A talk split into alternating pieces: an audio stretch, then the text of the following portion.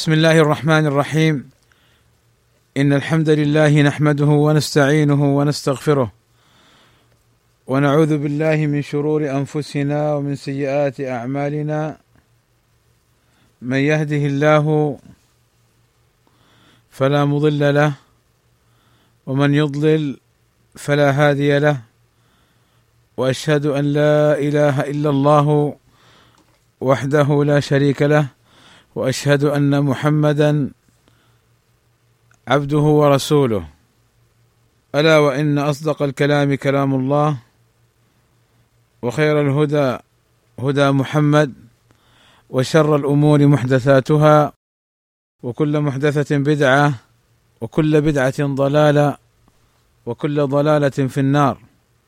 أما بعد فقد توقفنا في الأربعين النووية عند الحديث الثامن وهو ما رواه ابن عمر رضي الله عنهما أن رسول الله صلى الله عليه وسلم قال أمرت أن أقاتل الناس حتى يشهدوا أن لا إله إلا الله وأن محمدا رسول الله ويقيموا الصلاة ويؤتوا الزكاة فإذا فعلوا ذلك عصموا مني دماءهم وأموالهم إلا بحق الإسلام وحسابهم على الله تعالى.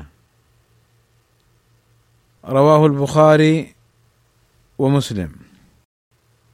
هذا الحديث من الأحاديث الجامعة التي يبين فيها النبي صلى الله عليه وسلم ما أمره الله عز وجل به إذ قوله عليه الصلاة والسلام أمرت أي أن الله أمره. فالآمر له هو الله عز وجل. ورسول الله صلى الله عليه وسلم ما ينطق عن الهوى إن هو إلا وحي يوحى. أمرت أن أقاتل الناس.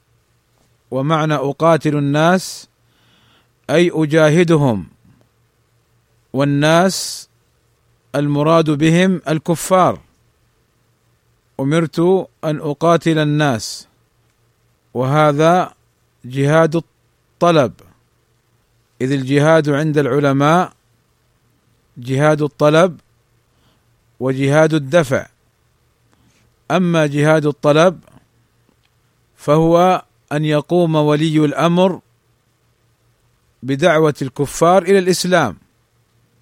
وأما جهاد الدفع فهو أن يقوم ولي الأمر بصد العدو عن المسلمين وعن البلاد.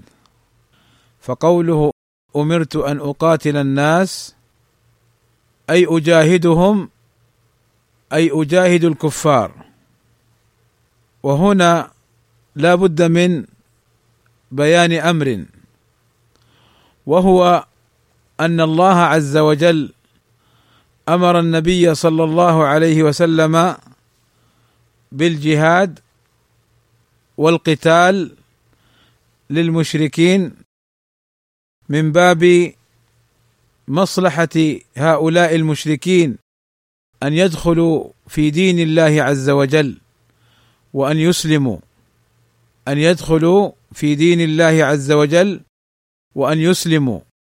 وليس المراد بالقتال والجهاد مجرد القتل والانتقام وسفك الدماء وسفك الدماء وإنما المراد به أن تعلو كلمة الله عز وجل أن تعلو كلمة الله عز وجل وأن يدخل الناس في دين الله عز وجل. أما قتال الكفار أو ما يقع من المشركين وما يقع من بعض الكفار من حروب وقتال لغيرهم فإن هؤلاء يقاتلون لطلب الرياسة ولطلب الأموال ولطلب الدنيا وقد يقاتلون انتقاما من غيرهم وقد يقاتلون انتقاما من غيرهم وسفكا للدماء عبثا ولهوا فهذا هو الفرق بين الجهاد في سبيل الله عز وجل وبين القتال الذي يقع من المشركين أو القتال الذي يقع من أهل البدع والأهواء لنصرة بدعتهم ولنصرة هواهم كداعش ونحوها من فرق الخوارج. فإن هؤلاء لا يقاتلون في سبيل الله إنما يقاتلون في سبيل الشيطان لأن الذي يقاتل في سبيل الله ينبغي أن يسلك السبيل الشرعي في الجهاد وأن يكون الجهاد والقتال لإعلاء كلمة الله عز وجل. كيف تكون داعش تجاهد في سبيل الله؟ وهي تخالف أوامر الله عز وجل. كيف تكون داعش؟ تقاتل في سبيل الله وهي تقتل المسلمين اطفالا ونساء ورجالا. كيف تكون داعش؟ تدعو وتجاهد في سبيل الله وهي تكفر المسلمين حكاما ومحكومين. كيف تكون داعش؟ تجاهد في سبيل الله وقائدهم وجنودهم إنما يتبعون أهواءهم وشياطينهم ولا يتبعون ما أمر الله عز وجل. فاذا النبي صلى الله عليه وسلم قال أمرت أن أقاتل الناس أي لإعلاء كلمة الله عز وجل وليدخل الناس في دين الله عز وجل. وهنا أيضا ننبه على أمر مهم وهو أن هذا الجهاد وهذا القتال إنما يكون لولي الأمر هو الذي يرفع رايته وهو الذي يدعو إليه. أما أن يأتي بعض الناس ويدعو للجهاد ويثور الناس فهذا خطأ شنيع. مخالف للأوامر الشرعية ولمنهج السلف الصالح في هذا الباب. فاحذروا بارك الله فيكم من أولئك الذين يعلنون الجهاد دون إذن ولي الأمر فإن هؤلاء دعاة سوء ودعاة بدعة وضلالة. ليسوا على السنة إنما السنة أن نقاتل من وراء الإمام لا أن نتقدم على الإمام وندعو للجهاد. فالنبي صلى الله عليه وسلم أمره ربه سبحانه وتعالى بالجهاد فنادى بالجهاد. ثم من بعده يكون الحكام والأمراء هم الذين ينادون بالجهاد. قال صلى الله عليه وسلم أمرت أن أقاتل الناس حتى يشهدوا أن لا إله إلا الله وأن محمدا رسول الله ويقيموا الصلاة ويؤتوا الزكاة. المعنى أنني أمرت بذلك أي بقتال المشركين حتى يؤمنوا بالله عز وجل حتى يسلموا بأن ينطقوا بالشهادتين. ولذلك جاء في بعض الروايات حتى يقولوا لا إله إلا الله كما ذكر ابن رجب رحمه الله تعالى في شرح الأربعين. وأيضا أمرت أن أقاتل الناس حتى بعد أن ينطقوا بالشهادتين يقيموا الصلاة ويؤتوا الزكاة. كما في حديث معاذ بن جبل حين بعثه النبي صلى الله عليه وسلم إلى اليمن فقال له إنك ستأتي قوما هم أهل الكتاب فليكن أول ما تدعوهم إليه شهادة أن لا إله إلا الله وأن محمدا رسول الله فانهم أطاعوك لذلك فأعلمهم بالصلاة. وقد نبه الحافظ ابن رجب رحمه الله تعالى على مسألة مهمة وهي أنه ليس المراد بالحديث أنهم لا يؤمنوا أو لا يدخلوا في الإسلام حتى يقولوا الشهادتين ويصلوا ويزكوا. وإنما كما في سيرة النبي صلى الله عليه وسلم أن الكافر يدخل في الإسلام بالنطق بالشهادتين. ثم بعد نطقه بالشهادتين فإنه تجب عليه الصلاة والزكاة والصيام وغيرها. وقد مر معنا حديث معاذ بن جبل لما ذكر له النبي صلى الله عليه وسلم أنه أول ما يدعوهم إلى الشهادتين فإنهم أطاعوك فأعلمهم بالصلاة. فلم يقل له النبي صلى الله عليه وسلم ادعهم إلى الشهادتين والصلاة والزكاة والصيام معا. لا الأساس الأول الشهادتان فإذا نطقوا بها وأقروا بها دخلوا في الإسلام. ثم تجب عليهم بعد ذلك الأحكام الشرعية. والشهادتان لا إله إلا الله لا معبود بحق إلا الله. فلا تصرف العبادة إلا لله عز وجل. وأن ما عبد من دون الله هو باطل. وأن الإله الحق هو الله المستحق للعبادة. لأنه سبحانه وتعالى هو الذي خلقنا وأوجدنا من العدم وخلقنا لعبادته وما خلقت الجن والإنس إلا ليعبدون. وأن محمد رسول الله خلقنا الله سبحانه وتعالى ولم يتركنا هملا بل أرسل إلينا رسولا كريما صلى الله عليه وسلم واصطفاه عليه الصلاة والسلام لهذه الأمة ليكون آخر الأنبياء والرسل صلى الله عليه وسلم فلا نبي بعده ولا رسول.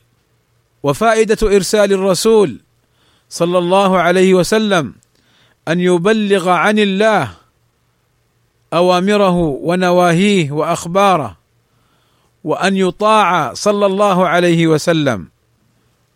ثم إذا نطقنا ونطق العبد بالشهادتين فإنه أقر بذلك الأمر فالواجب عليه أن يمتثل أوامر الله ومن أهمها بعد الشهادتين إقامة الصلاة وإيتاء الزكاة.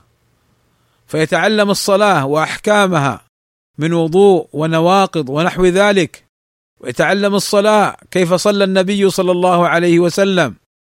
فيقيم الصلاة بأركانها وشروطها وواجباتها وسننها ويؤتي الزكاة إن ملك مالا وتوفرت فيه الشروط الواجبة فإنه يؤتي الزكاة ولا يمنع المال فالصلاة عبادة بدنية والزكاة عبادة مالية. لذلك ذكرها النبي صلى الله عليه وسلم.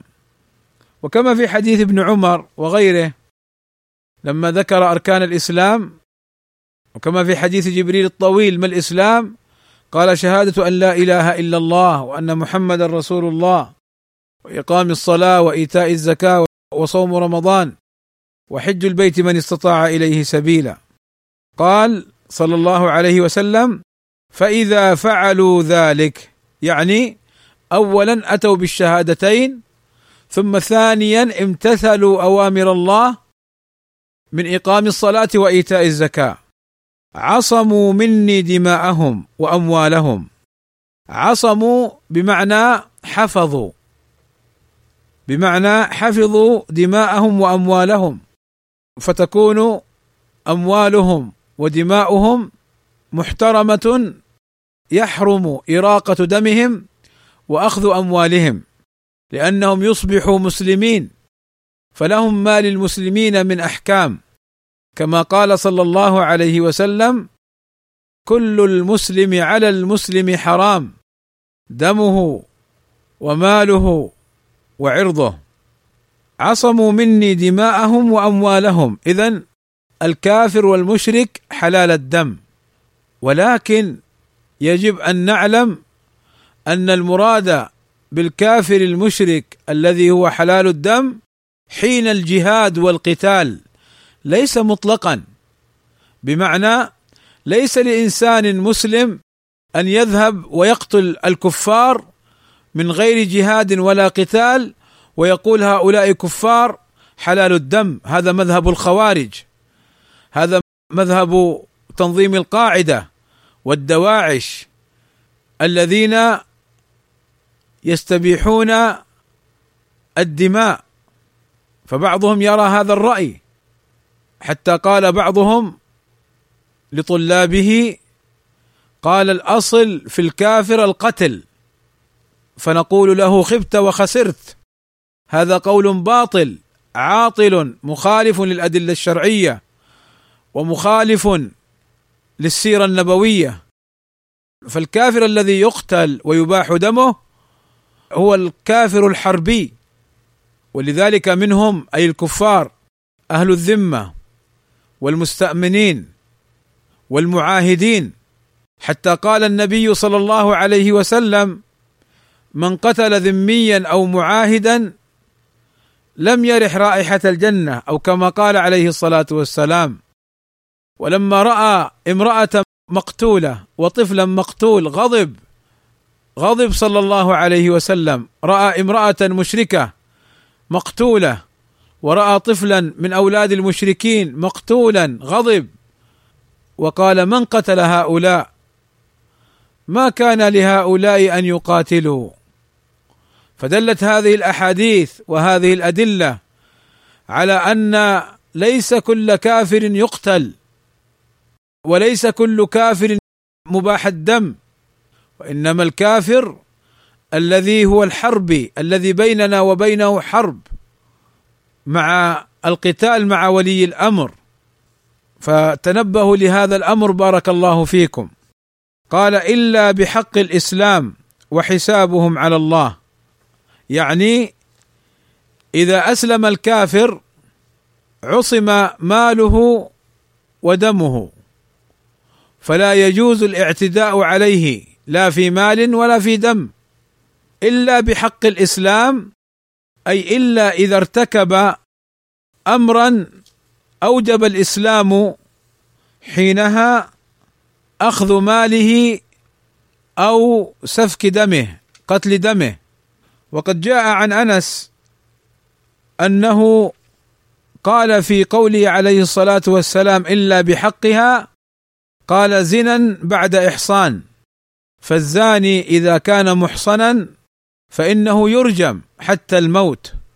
قال زنا بعد إحصان وكفر بعد إيمان فالمرتد يقتل كما قال صلى الله عليه وسلم من بدل دينه فاقتلوه وقتل نفس فمن قتل نفسا وطالب أهل النفس بإقامة القصاص عليه فإنه يقتل. والنفس بالنفس النفس بالنفس وكذا إذا فعل امرا يستوجب القتل. فهذا معنى قوله عليه الصلاة والسلام إلا بحقها. وكلنا يذكر قصة أبي بكر رضي الله عنه مع المرتدين ومع مانع الزكاة وأن عمر رضي الله عنه في البداية قال لأبي بكر كيف تقاتل من يقول لا إله إلا الله وإن منع الزكاة؟ المرتدون يقاتلون لأنهم وقعوا في الردة والكفر. أما من منع الزكاة وهو يقول لا إله إلا الله فكيف نقاتله؟ فقال أبو بكر رضي الله عنه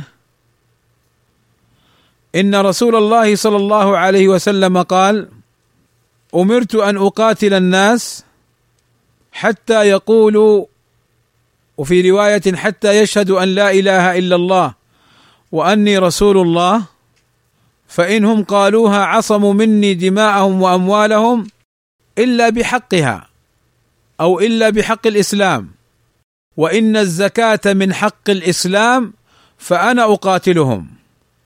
فكان أبو بكر رضي الله عنه أصاب الحق ووافق هذا الحديث الذي معنا الذي رواه ابن عمر حين قال ويقيم الصلاة ويؤتوا الزكاة ثم عمر رجع إلى قول أبي بكر وأن الله قد شرح صدر أبي بكر لذلك وأنه وفق للحق فأبو بكر رضي الله عنه قاتل مانعي الزكاة وهم يقولون لا إله إلا الله بحجة ماذا؟ أنهم لم يؤدوا حق الله عز وجل وهو الزكاة فقال أبو بكر رضي الله عنه والله لو منعوني عقالا كانوا يؤدونه إلى النبي صلى الله عليه وسلم لقاتلتهم عليه فاذا من وقع في أمر جاء في الشرع يبيح دمه أو ماله فإنه لا يكون حينها معصوم الدم بل يباح شرعا إقامة الحد عليه وذلك من حق الإسلام. وهنا أيضا أنبه على مسألة في قوله صلى الله عليه وسلم فإذا فعلوا ذلك عصموا مني دماءهم وأموالهم إلا بحق الإسلام. هذا الحق الذي من طريقه يقتل المسلم أو تقطع يده أو يؤخذ ماله. ليس لاحاد الناس أن يفعلوا ذلك وإنما هذا يكون عن طريق ولاة الأمر. ومن أنابوهم من القضاة الذين يحكمون في مثل هذه المسائل. فلا يأتي إنسان يقتل شخص ويقول هذا حلال الدم لأنه مرتد أو هذا حلال الدم لأنه محصن قد زنى. لا هذا لابد من رفعه لولاة الأمر. وهم الذين يقيمون الحدود. ومن منهج الخوارج ومن منهج الدواعش أنهم لا يعتبرون الحكام وأنهم يزعمون أنهم هم هم الذين يقيمون الحدود. كما في قصة وهب بن منبه مع ذاك الرجل من خولان الذي تأثر برأي الخوارج. حيث كانوا يقولون له أي الخوارج ادفع لنا المال ولا تدفعه للسلطان لأننا نقيم الحدود ونعطيه لأهله ومستحقيه ممن يرى رأيهم. فهذا مذهب الخوارج أنهم يظنون أن لهم أن يقيموا الحدود بأنفسهم وهذا خطأ. بل الحدود وإقامة هذه الأمور مرجعها للحاكم الشرعي. بارك الله فيكم. قال صلى الله عليه وسلم وحسابهم على الله تعالى. قال العلماء يعني أن الرسول صلى الله عليه وسلم يتعامل معهم بظاهرهم. أما ما يتعلق بباطنهم فهذا أمره إلى الله. ولذلك النبي صلى الله عليه وسلم في قصة أسامة بن زيد لما قتل ذلك المشرك الذي قال لا إله إلا الله قال أسامة رضي الله عنه إنما قالها تعوذا يعني هو لم يسلم هو قال لا إله إلا الله لئلا أقتله.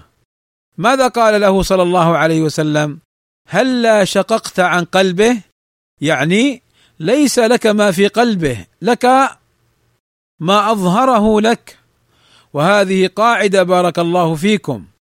أننا لنا بما ظهر من حال الناس وليس لنا أن نحكم على بواطنهم بالظنون إلا إن دلت القرائن والأدلة بأن يصرح الإنسان بما في باطنه أو يثبت عليه من فعله ما يدل على باطنه فحينها يؤاخذ. أما مجرد الظنون أن تظن أن الشخص الفلاني فعل كذا وكذا لأجل كذا وكذا لا لأجل الله فهذا خطأ. هذا خطأ. هذا من منهج الخوارج كما نص على ذلك أهل العلم. وهنا النبي صلى الله عليه وسلم يقول وحسابهم على الله. لقد كان النبي صلى الله عليه وسلم يعرف بعض المنافقين بأعيانهم وأسمائهم. بل وسماهم لحذيفة ابن اليمان رضي الله عنه. قال فلان وفلان من المنافقين. فكانوا منافقين ومع ذلك لم يقتلهم صلى الله عليه وسلم بل تعامل معهم بما أظهروه من الإسلام. هم يظهرون الإسلام ويبطنون الكفر ولكن ما قتلهم صلى الله عليه وسلم. ولذلك بارك الله فيكم هذا الحديث من جملة الأحاديث التي فيها أن المسلم له بما ظهر من أخيه وليس له أن يطعن في نواياه إلا إن دلت القرائن والأمور على نيته وكذا دل فعله على على نيته. فتنبهوا بارك الله فيكم من اتهام الناس بالظلم بمجرد الظنون التي لا دليل عليها. أسأل الله عز وجل أن ينفعني وإياكم بما سمعنا وأن يكون حجة لنا لا حجة علينا. وصلى الله وسلم على نبينا محمد وعلى آله وصحبه وسلم أجمعين.